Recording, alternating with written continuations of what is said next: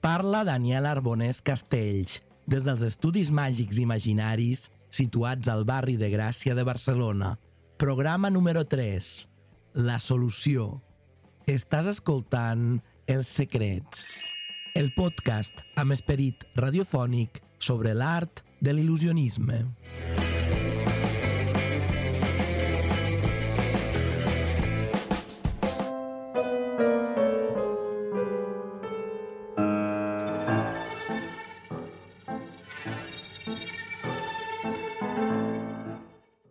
S'havia equivocat.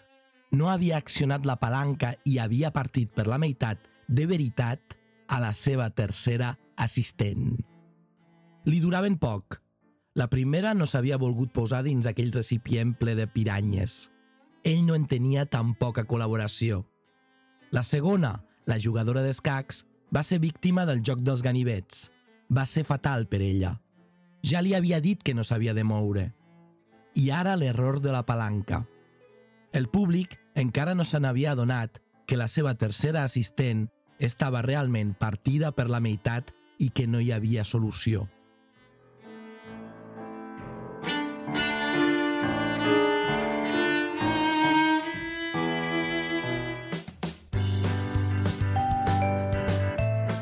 Al final del programa d'avui sabràs com conclou la història del mag que havia partit per la meitat, per error, a la seva tercera assistent. A cada episodi dels Secrets descobriràs un relat inèdit, un petit conte de la meva creació inspirat en la iconografia màgica. Al final en sabràs el secret.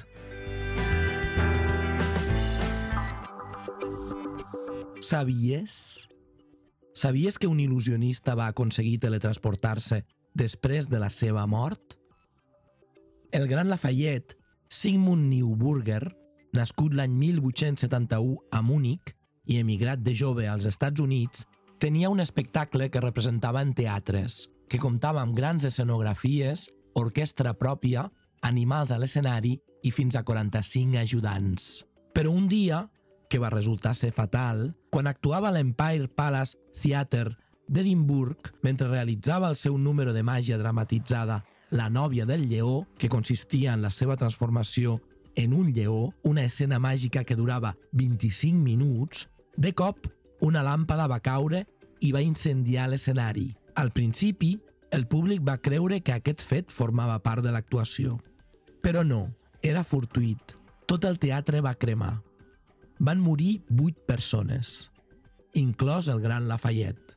Van trobar el seu cos junt a un cavall i un lleó.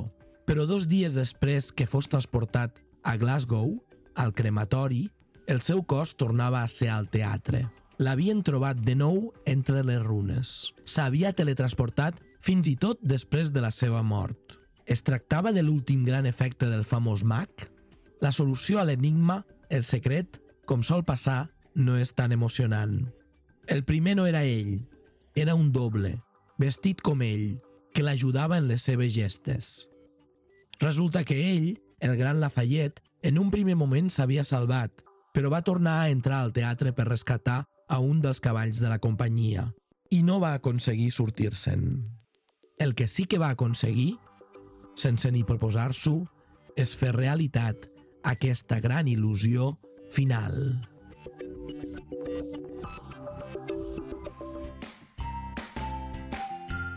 Les 133 idees que mai ningú t'explicarà que poden ser útils per als mags i que els espectadors haurien de saber.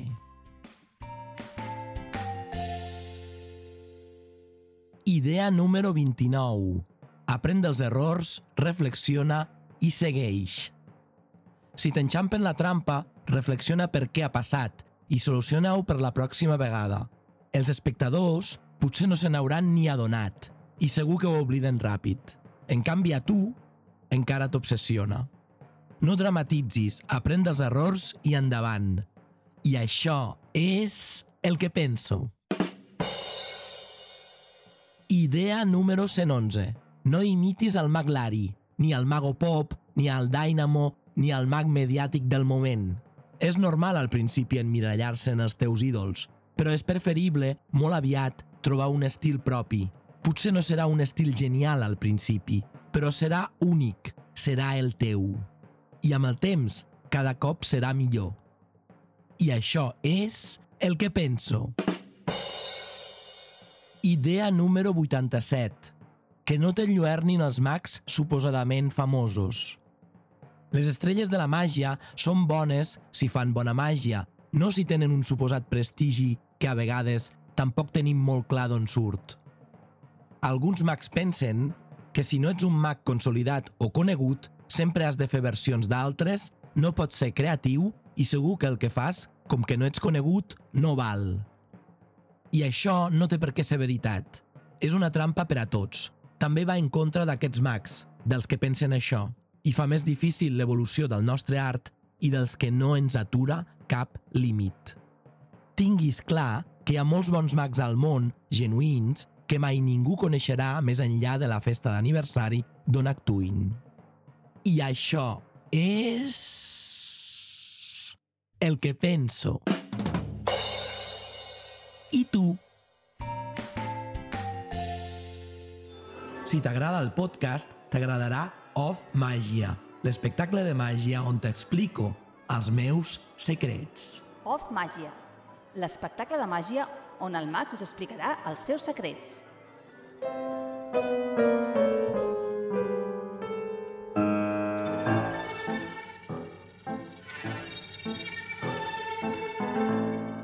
El públic encara no se n'havia adonat que la seva tercera assistent estava realment partida per la meitat i que no hi havia solució.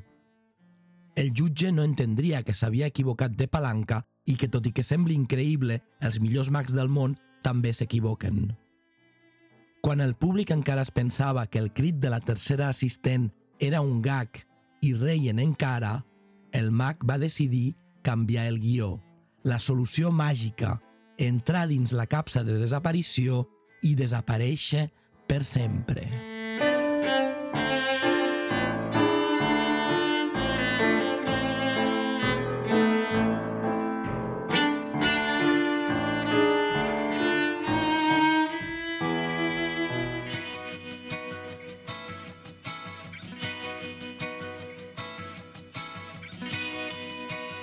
Moltes gràcies per escoltar l'episodi 3 de Els Secrets.